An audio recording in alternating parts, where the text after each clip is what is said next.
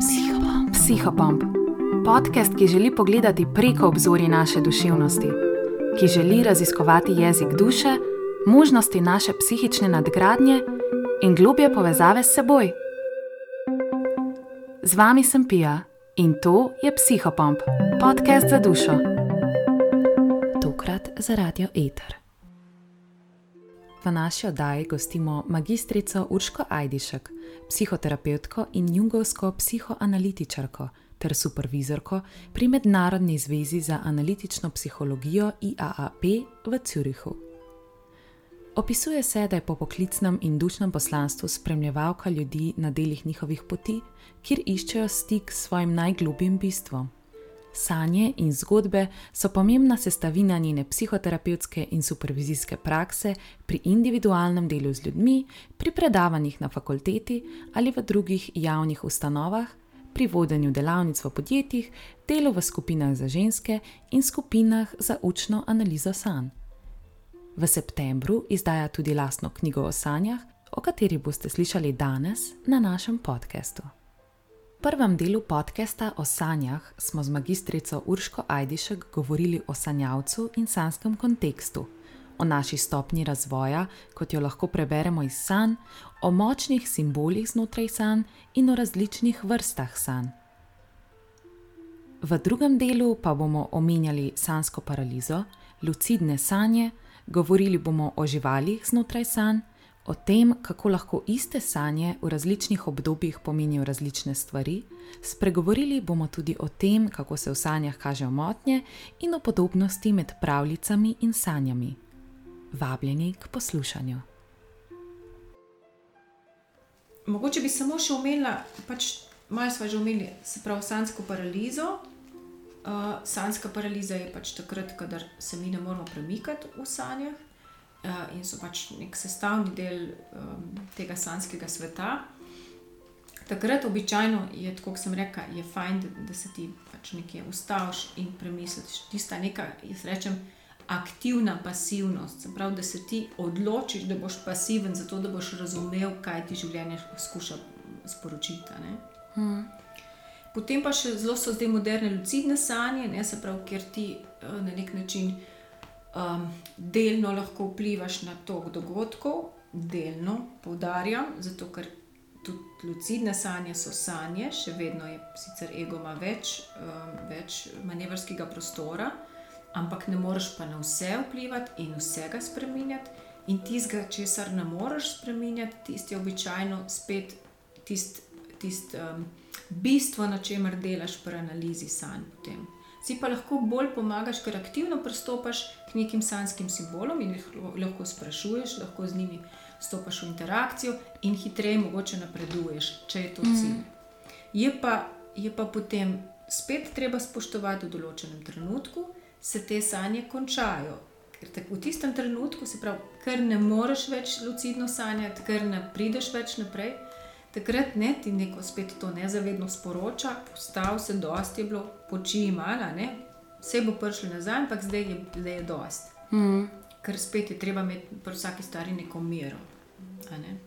Pa tudi zavedati se moramo, da pač so tudi sanje, ki so brez nekega globjega pomena in da tudi ni, ni nek naš cilj, da v bistvu spet to zelo človeško. Gledanje, da je treba vse vedno razumeti in vse mm. analizirati. Ne, včasih je treba samo kakšno stvar tudi spustiti, samo da se zgodi in pač um, prepustiti, um, da stvari tečejo kot tečejo, pa se potem soočati, ko pride karkoli. Mm. Tako da neko to, um, neko to ponižnost pri delu s sanjami uh, je treba zelo, zelo spoštovati. Še, samo še, uh, samo še v bistvu, kar se tiče otroških sanj, otroške sanje uh, običajno ne analiziramo, nam lahko veliko pomenijo, uh, fajn je, če jih tako zapisujemo, kot zapisujemo svoje. Ampak ne otroci narišajo sanje, ne jih, uh, ne jih analizirati, ker je ego še tako nezgrajen, da se lahko v bistvu zgodi, da se v bistvu zruši kar pa ni dobro, ker potem pač ne vem, sploh recimo v najstništvu lahko potem jih prevzame to kolektivno nezavedno, kar pomeni, da v bistvu padejo v neko vrsto psihozo, uh, kar je pa seveda zelo nevarno pri otrocih in pri mladostnikih. Um, imamo pa tudi, seveda, sanjarjenje. Mi tudi sanjarjenje, čeprav ni to tipično sanjanje, anal lahko analiziramo, zato ker tudi sanjarjenje govori o nekih naših repenenih, nekih naših željah. Um, ampak uh, je precej bolj intenciozno, se pravi, namerno, ne, kot v bistvu v nekem mm. sanskem kontekstu, kjer smo mi res del nekega konteksta in se učimo skozi uh, v bistvu opazovanje tega konteksta in analizo. Mm -hmm. Mm -hmm. No, to pa je bilo kar velik vrstan. Bi rekli, da pomeni, če se v sanjah pojavijo živali? Uh, živali v sanjah so uh, naši instinkti. Se pravi, uh, ko mi sanjamo neko žival, v sanjah, spet kot pri običajnih uh, ostalih sa, uh, simbolih v sanjah, uh, zelo močno svetujem, da greste raziskovati značilnosti te živali. Ker živali so zelo, zelo bogate. Že čist, ne vem, včasih se ti zdi, da to, to, to živali dobro poznam ne? in, in je pomembno to, kar tista prva misel, uh, s katero pač začneš uh, razmišljanje o tej živali, ko, ko jo sanjaš. Ampak je zelo, zelo pomembno, da greš potem v um, raziskovanje, se pravi, vem, raziskovanje obnašanja, raziskovanje razmnoževanja, raziskovanje parjenja te živali, uh, raziskovanje hranjenja, raziskovanje preživetja, nekih preživetvenih mehanizmov. Ker um, zelo, zelo velik živali ima kakšne specifike, ki jih mogoče do takrat nismo vedeli pa so ključna za naše preživetje takrat. Se pravi, če govorimo o instinktih, gre za nekaj telesenega, gre za nekaj, um, kar mi običajno zelo tako na neki preživitveni bazi ne spoštujemo v svojem telesu. Recimo uh, Pinkola Estes v tej uh, knjigi Ženske, ki teče z vokovi. Uh, ne, uh, velikokrat opozarja, kako ženske, ki imajo zelo okvarjene te instinkte, recimo, ki so bile kaj zlorabljene ali pa ki so bile vzgojene preveč po nekih normativih, um, sanjajo ranjene živali um, ali pa poškodovane ali pa, ali pa mrtve živali. Prav, vedno, kadar sanjamo živali, sanjamo, da je nek ta instinkt. Ki ga ta žival predstavlja, v nas umrl ali pa ranjen. Mm zelo velike takih sanj. Recimo, najpogostejše so ne vem, kakšne sanje o, vem, o volku, mislim, o, ja, lahko tudi volku ali pa o, o psih in mačkah, ker je to pač naš, nek, najpo, ali pa konjih tle pri nas. In ne, recimo, ljudje običajno psa povezujejo z neko zvestobo, z neko lojalnostjo, z neko obogljivostjo, in mačko z neko samosvojostjo, z nekim egoizmom, z nekim, ne, um, grem po svoje. Mm. In zdaj, če se nam zgodi, da jaz sanjam mačko, ne, potem pa da je ta ranjena, potem je zelo verjetno nekaj v tem, da jaz ne znam si vzeti časa zase, ne znam poskrbeti zase, ne znam biti malo egoistična, če tako rečem. Mm. In obratno, ne, če jaz ne vem, če, če pes v mojih sanjah umre, ne, potem je mogoče uh, moj ta um, občutek zvestobe ali pa um, uh, nekako. Um, umrl in bo mm. če jaz zdaj malo bolj po svoje živela naprej. Ne? Če pa je ranjen, pa spet ne, jaz mogoče uh, razmišljam malo bolj o tem, uh, da pogledam na življenje drugače, kot sem doslej in se v bistvu uh, usmerjam malo bolj, mislim, malo manj kot obogljiv mm -hmm. sanjavc, sanjavka, ampak am, pač pa ne vem, začnem bolj um, ne vem, um, razmišljati nekako o svojih poteh, o svojih instinktih. Um, Mene je tako zelo zanimivo, tako, uh, to je pa recimo direkt iz mojih sanj.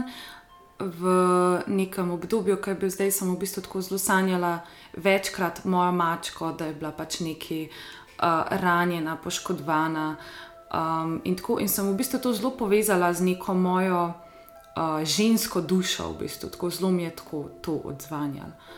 Um, drugače mi je pa zelo zanimivo, tako nek parijatu, ki bo mogoče zdaj tudi to poslušal, um, mi je govoril o tem, da sanja dejansko kače, s katerimi se bori in to v vseh možnih situacijah in kontekstih.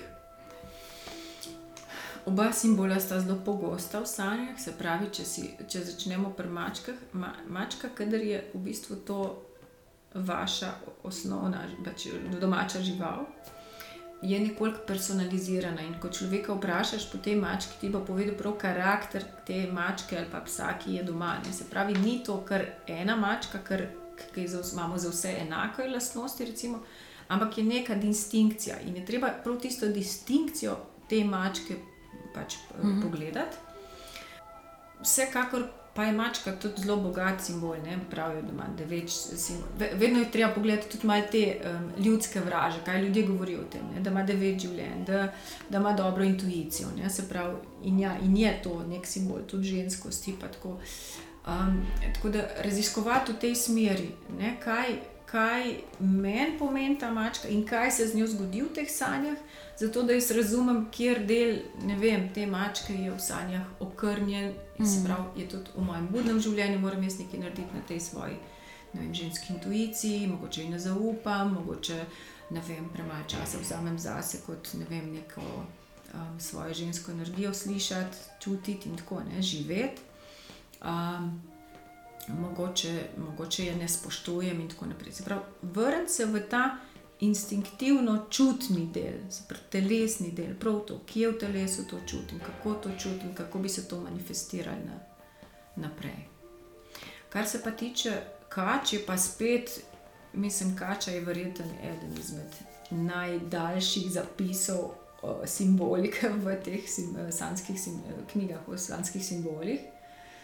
Um, kača ima ogromno, ogromno pomenov. Običajno govori o tem, da gre za neko transformacijo, preobrazbo. Um, lahko recimo včasih sanjamo, da uh, san, uh, kača tako uh, stoji in ima tisti dvojni um, jezik uh -huh. um, ven iz ust, kar lahko predstavlja dve možnosti odločitve potem lahko predstavlja tudi falični simbol, se pravi, nekako, če je postavljena po koncu, se pravi, nekak, a, če, če to sanja ženska, ne, da v bistvu um, se nekako postavlja v svoji moški energiji, se pravi, da. da um, In mogoče prej manjkalo te moške energije, pa se zdaj postavlja. Um, lahko tudi, da bi morala razvijati malo ta spolni del, mogoče nekaj, nekaj povezano z neko um, transformacijo v njeni spolnosti, in podobno pri moškem tudi, se pravi, če je, če je um, falični simbol za, za moškega, spet ne, je treba razmišljati o tem, kako pa je on postavljen v tej svoji moškosti. Ne, a, a mogoče um, ne verjame, ne zaupa v, v neko svojo moško moč in tako naprej. Um, potem um, kača se tudi levi, se pravi, je spet treba ta, ta vidik pogledati, se pravi, se na nek način spremenja in, in prehaja. Um, potem uh, kača ima strup, ne? se pravi, če nas kača piči v sanjah, spet, če smo mi nekako preveč mlahavi, če smo, če smo neodločni v življenju, pa ne skača pič, ne? potem mogoče mi dobimo malo tega strupa, ki smo ga potrebovali vase, zato da mi lahko nastopamo v svojih življenjskih interakcijah bolj asertivno, smo bolj um, v bistvu odločni, postavljamo meje. Se pravi, v tem primeru je ta kači pik za nas zdravilen in malo tega strupa pravzaprav mi rabimo. Mm, mm. Ja, meni se je v bistvu tako. Um, Nikoli nikol nisem zares pomislila o neki interpretaciji teh sanj, ampak glede na to, kaj smo se danes pogovarjali, uh, mi je v bistvu ena fantazija bila, um, mogoče pa ta človek se v bistvu bori z neko spremembo, ki se želi zgoditi, pa jo on hoče na vsak način. Spomnim se, da mi je nekaj razlagal, da z, nekim, nek, z nekimi meči jih seka in tako. Um, Konkretno te sanje ne, lahko predstavljajo spet več stvari. Ne. Lahko je to neka sprememba, ja, ki se jo nekdo želi ne, pač izogniti lahko je to neka, se pravi, nek, neka nevarnost, ki jo ta kača predstavlja. Um, lahko, je, lahko je pa v bistvu da na ne, nek način tudi sam svojo moškost reže.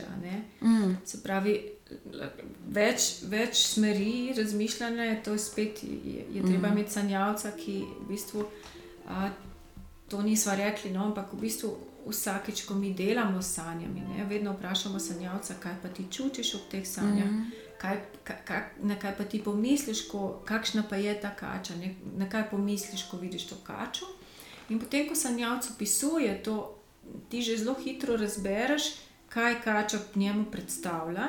In glede na tisto stvar, ki njemu predstavlja ne, uh, ta kača, uh, potem ti lahko raziskuješ naprej, kakšen je pa v bistvu ta smisel sanj, oziroma kakšna je naloga, ki pride iz teh sanj.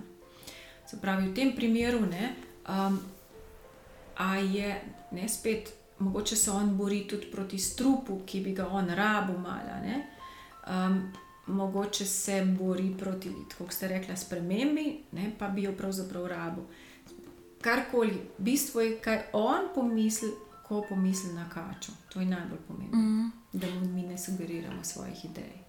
Se v bistvu pa tudi tako. Um je tudi iz mojih izkušenj, no pa pač je to tudi splošno znano, ampak sanje nimajo v bistvu enotnega pomena. Ne? Recimo, jaz sem tudi za določene sanje, tako kot je v bistvu tudi za neke naše umetniške izraze, konc koncev, ali pa pač kjerkoli izraze nezavednega. Ne? V določenem obdobju lahko v bistvu isti motiv predstavlja neke druge energije, ki so pač nekako arhetipsko povezane na nek način. Ne? Se pravi sanje so tako, da niso neke, neka enačba, ki jo mi lahko enkrat rešimo in jih potem odpišemo.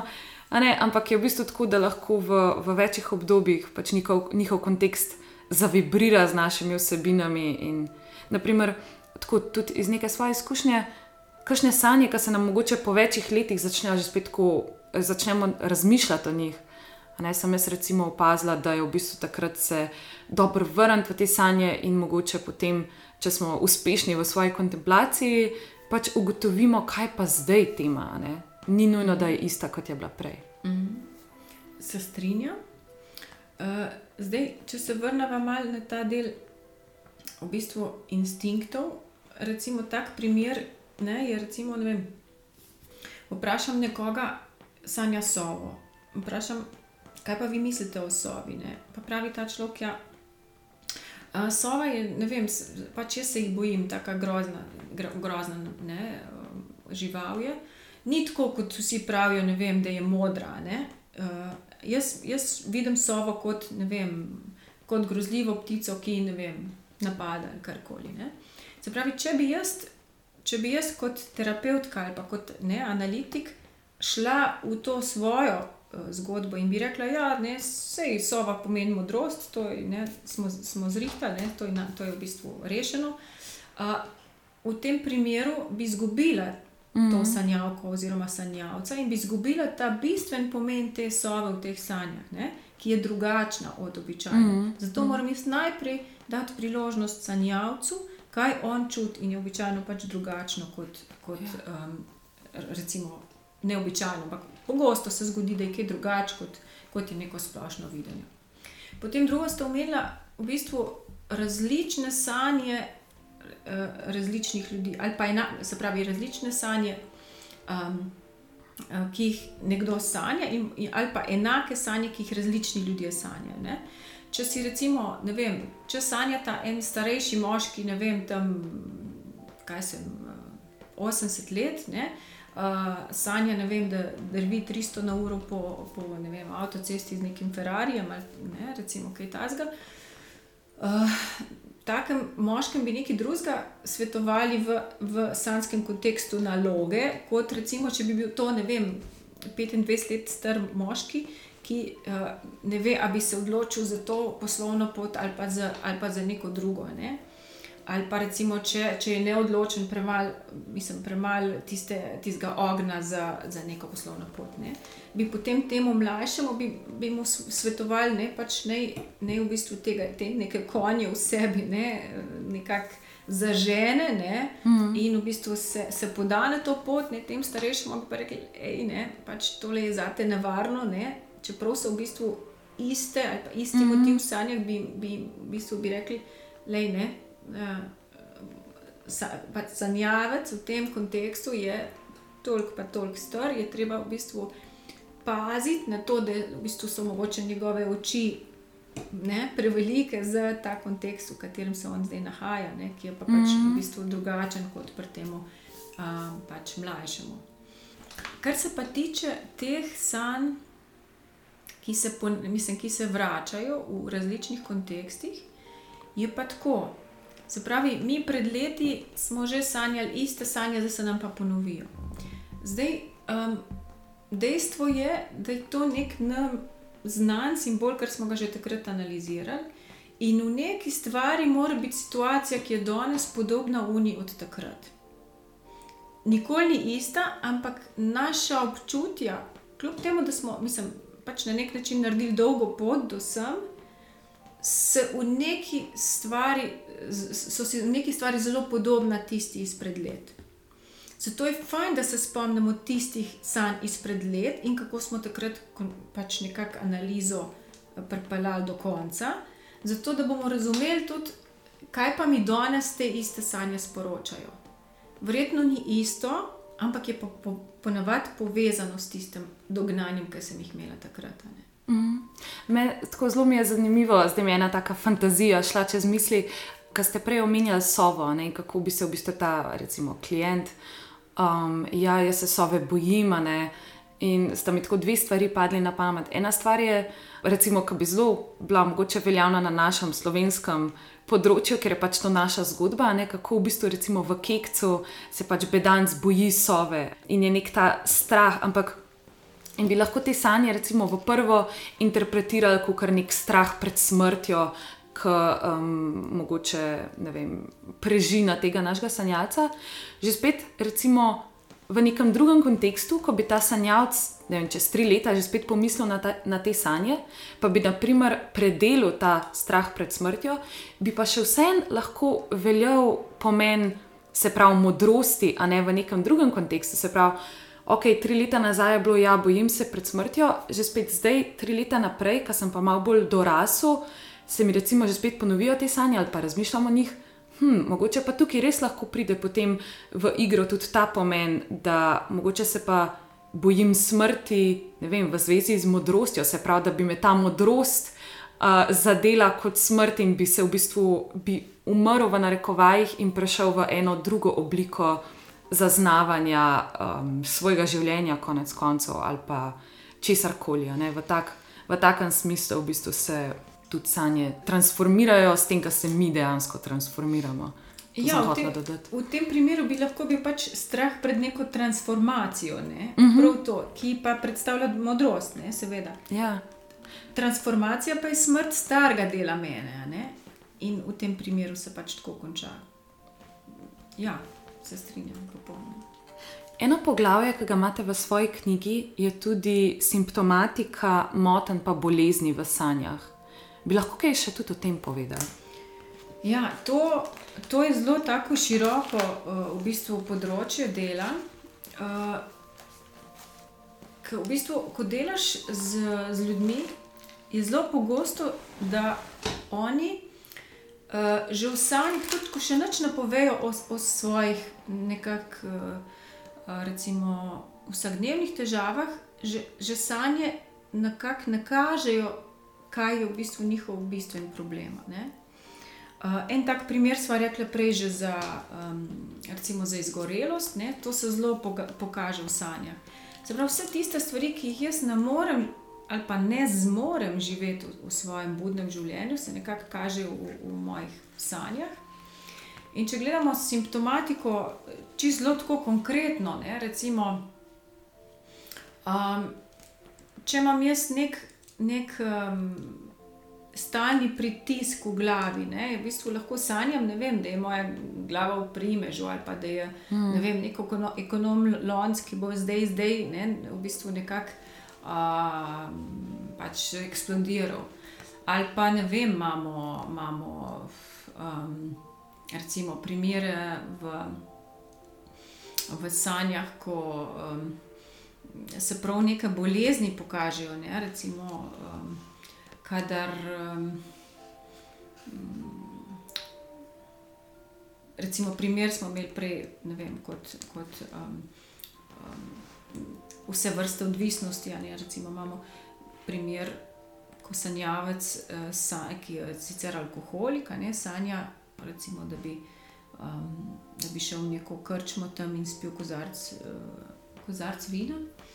In um, on, uh, ko, ko sanja sanje, pa sanja, v bistvu, kako z avtom pripelje na nek hrib in se potem tam ustavi in gre ven z avta, in avto začne lest nazaj in pride nazaj na začetek, tam, kjer je v bistvu on začel s hriba dol, spravo na začetku v znožju hriba. Ne.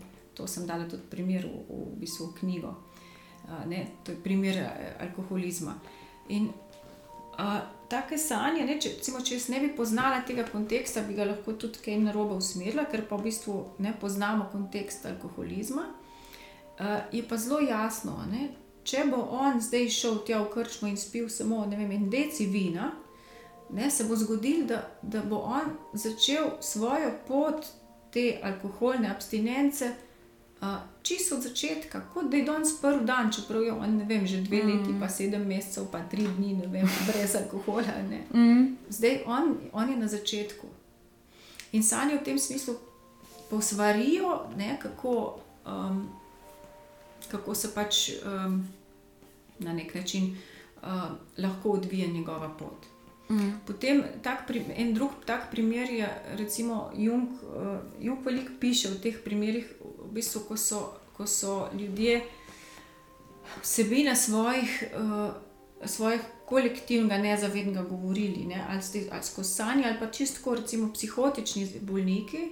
Recimo, uh, en tak primer je bila ena ženska. Uh, ki je delal v tej bolnici, Brhholci, ki je v bistvu delal take gibe po zraku, kot da šiva, tako v bistvu krožne gibe.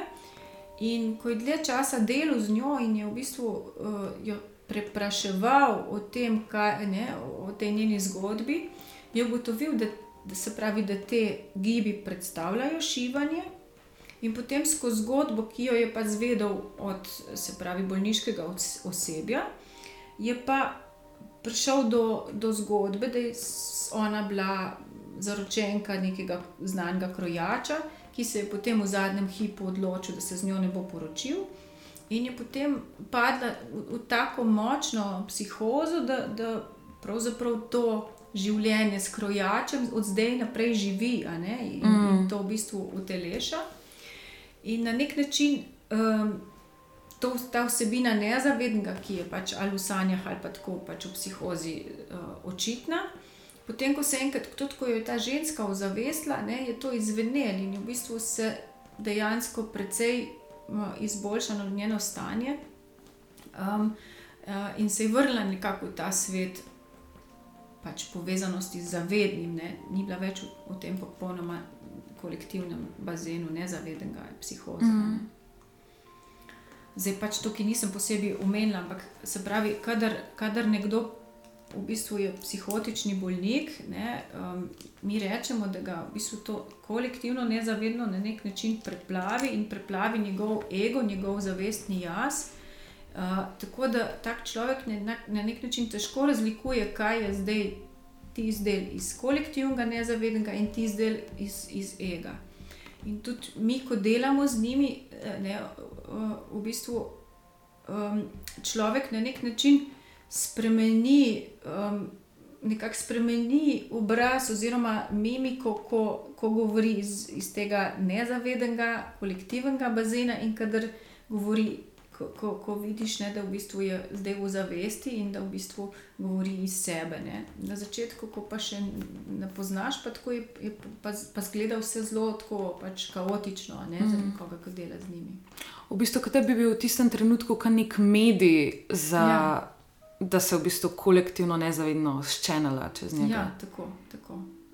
Um, precej, precej vsebin, ki so v kolektivnem nezavednem, pa jih recimo nekdo ne pozna, oziroma pač ne vem, primer je tudi nek, nek pacijent, ki, ki pač se ne bi mogel dokopati do nekih zapisov o nekih, ne vem, egipčanskih bogovih, je sanjal pač nek simbol. Um, pač te, oziroma, ne sanjal, videl, videnja so to, uh, ne, uh, nekega pač um, spet uh, faličnega simbola um, Boga Sonca, če se ne motim. Tukaj ne me za, za besedo držati, ampak uh, ne. In potem, ko je šel Jung raziskovati, ne, kaj to je in kaj je ta pacijent videl, je potem prišel v teh zapiskih starodavnih do, do tega, ne, kaj je on videl, čeprav je uh, v bistvu ta človek ni bil izobražen in ne bi mogel vedeti tega, mm -hmm. kar tako iz nekih, ne vem. Um, Pričevanj ali, ali pa zapisal, ker pač tega ni poznal. Je, pa, je bil pa v stiku s tem kolektivnim nezavednim in iz tam ven je zgleda to prišlo in je on črpal, zato da je v tem govoril. Ne. Tako da te psihotični, se pravi, eh, te, psihotični, te psihotične zgodbe ali pa zgodbe eh, ljudi s psihozo so zelo zanimive in zelo bogate z, z vsebino našega, pač, kako bi rekel, človeške duše. Mm. No, zdaj smo jih uh, lepo nastavili še za to zadnje vprašanje. Kaj pa ste, recimo, v knjigi ali pa kaj pa veste o primerjavi sanj s pravljicami? Ja, pravljice so pa zelo podobno kot naše nezavedno, nekakšno zrcalo naše duše. V pravljicah mi na nek način nanizamo to, kar se nam v vsakdanjih življenjih dogaja. Ne? Najbolj značilne so pač um, neki te konflikti iz vsakdanjega življenja, recimo vem, mačeha, pastorka ali pa pastorek ali pa um, tašča, pa, pa zet ali pa ne, te, te stvari. Mislim, te, te odnosi, ki se v vsakdanjih življenjih, um, recimo, rečemo, ja, se kar razumemo, tako, ampak nikoli zaradi tega spet arhetipskega naboja, teh vlog, ki jih imamo tudi v pravljicah, zelo, zelo predstavljene, pa zelo, zelo poudarjene, je to. Uh, Tako močno, da v bistvu da tašča nikoli ne more biti na isti ravni, ne more imeti rada svoje snahe ali pa svojega zeta, tako kot lahko ima mama. Ne. Ok, seveda so kakšne izjeme, ki, ki seveda ne kot povsod v življenju, ampak načeloma so to tako močni arhetipski uh, vzorci, da, da to enostavno ne gre. Ne. In to so pač te pravljice o pepelki, pa sneguljčici. Pa in potem že sam, že sam razvoj pravljic, ne, recimo pač pravljica o Snegulčici, govori o tem, kako ne, mora mlada, mislim, mlado dekle skozi različne preizkušnje. Seveda, na začetku je naivna in, in ne, najprej na začetku tudi, tudi to, že, že sam ta del, ne, vedno na začetku je mama prijazna, potem pa mama, dobra mama, umre. Tako kot je v resnici, mama na začetku otroka mora biti, mislim, je prijazna, ker je skrbna, ker nič ne zahteva. Potem pa v enem obdobju, seveda, mi, mame, moramo začeti zahtevati in začnemo, seveda, um, postavljati te neke pogoje in, tako, in se prelevimo v nekem simboličnem smislu v, v mačehe. Ampak mi, to je naša naloga, mi moramo biti mačehe, ker sicer, če bi, če bi bile. Uh, Ljubkovalne in, in nežne z otroci skozi do odraslosti, potem se ne bi ne bi šli skozi te preizkušnje in ne bi nikoli dozoreli v pač postavljene odrasle, kot, uh, kot v primeru, da se pač mi spremenimo v te mačehe. Potem recimo Trnulčica. Ne? Trnulčica govori o tem, kako se uh, v bistvu najstnice, najstniki ne? v, v tem nekem specifičnem obdobju najstništva umaknejo vase, ne? grejo v neke vrste depresijo. Ne?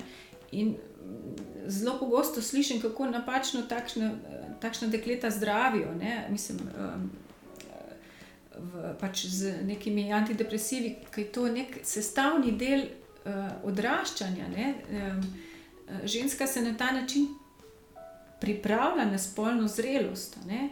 To je ta del, ki gre v depresijo, gre v, gre v umik vase, zato ker pač na nek način spi sto let, zato da potem, ko se zbudi iz tega, ko, ko v bistvu predela te svoje notranje faze, izide ven iz tega kot neka zrela ženska, pripravljena in sposobna nekega partnerstva in pač neke zrele spolnosti.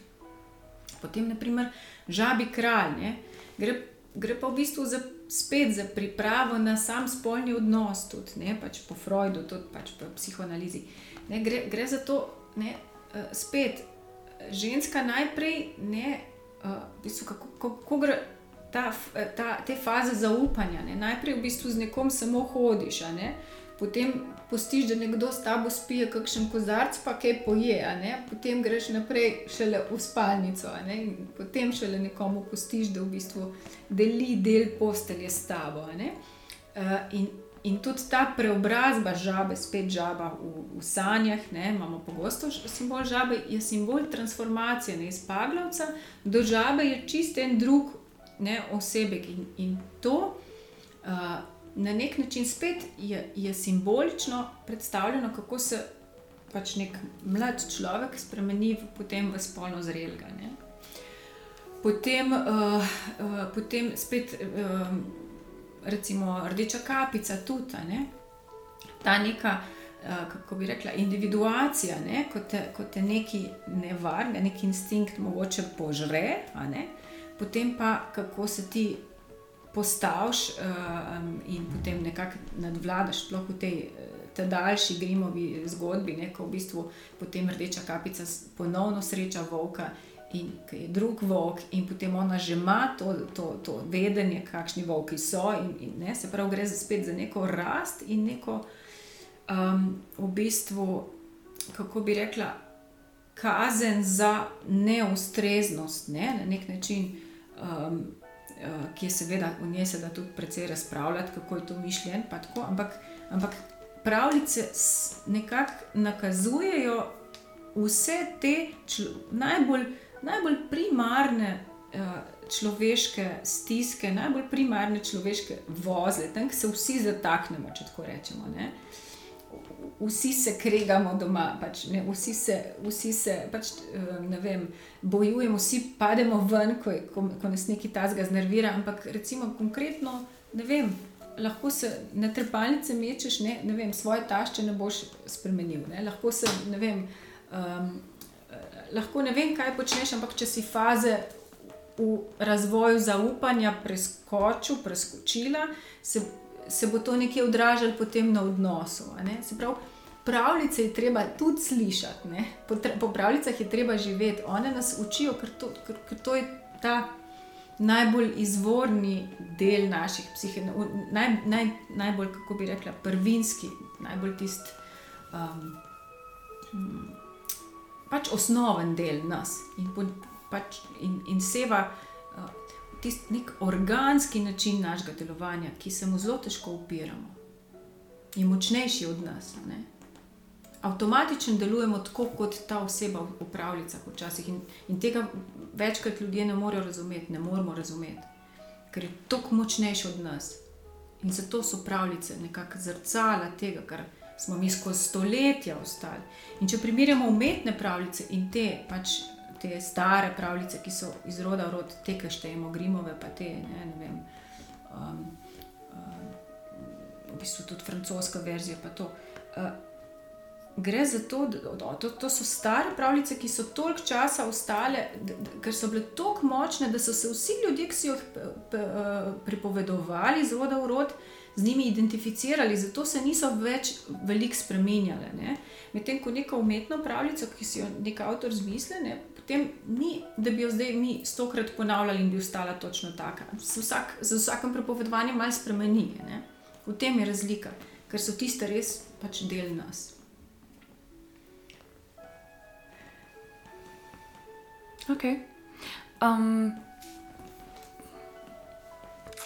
se pravi, v bistvu uh, pravljice bi povezali s sanjami da v bistvu lahko oboje reflektiramo znotraj sebe in se nekako probujemo povezati z osebino. Ja, eh, podobno kot, kot so, so osebe v naših sanjah kompleksi, tudi pravljice in osebe v sanjah predstavljajo naše komplekse. Samo da mhm. mogoče v pravljicah so to malo bolj arhetipski kompleksi, se pravi nekaj, kar kar je, mislim, imamo nekje globoko. Uh, v, v sanjah, pa sploh te običajne vsakodnevne terapevtske sanje, so pa to ljudje iz nekega našega vsakdana, ki niso tako močno arhetipski, ampak je seveda spet treba delati na njih. Je pa dejstvo, da neka mama, mačeha, kralj, čarovnica v naših sanjah, pravi, vse te osebe, ki izhajajo iz pravličnega sveta, so znatno močnejši, ko pridemo na njih v sanjah, kot če je v bistvu to nek sosed, sošolc ali pa tako. Mm. To pomeni, da je res tisti, wow, tam notrni, globok uh, in zato tudi toliko močnejši. Ok, zdaj smo prišli do konca. Tako da um, najlepša hvala, da ste pač podelili to z nami, da smo imeli možnost prisluhniti in vašemu znanju, vaši perspektivi, vašim izkušnjam. Tako da se na tej točki najlepše zahvaljujem in v imenu sebe, v imenu psihopompa in v imenu poslušalcev. Najlepša hvala tudi vam in vsem poslušalcem, ki se bodo vzeli za to čas. Vse zelo, zelo povabim, da sanje le poslušajo in po njih tudi živijo. Najlepša hvala. In ker vas očitno zanimajo sanje, naj vas opozorim tudi na naše oddaje na Radio Eter, Arhiv San, ki jih ustvarjamo s podcastom Psychopomp. To so oddaje, ki se ukvarjajo z interpretacijo san, vodim pa jih Pija Škul za avstrijsko diplomo iz psihoterapije in specializacijo jungovske analize, torej analize Karla Junga, ki se je poglobljeno ukvarjal s sanjami. Lepo vabljeni k poslušanju. Hvala, da ste bili danes z nami in si vzeli čas za svojo psiho. Do psihopompa lahko dostopate preko naše spletne strani, kjer lahko postite listek s svojim mnenjem in izkušnjo, ali na našem Instagramu in Facebook profilu, kjer bomo zelo veseli vaše podpore, komentarjev in sharinga drugim. Hvala za vaše poslušanje in k malu naslišanje, vaš psihopomp podcast.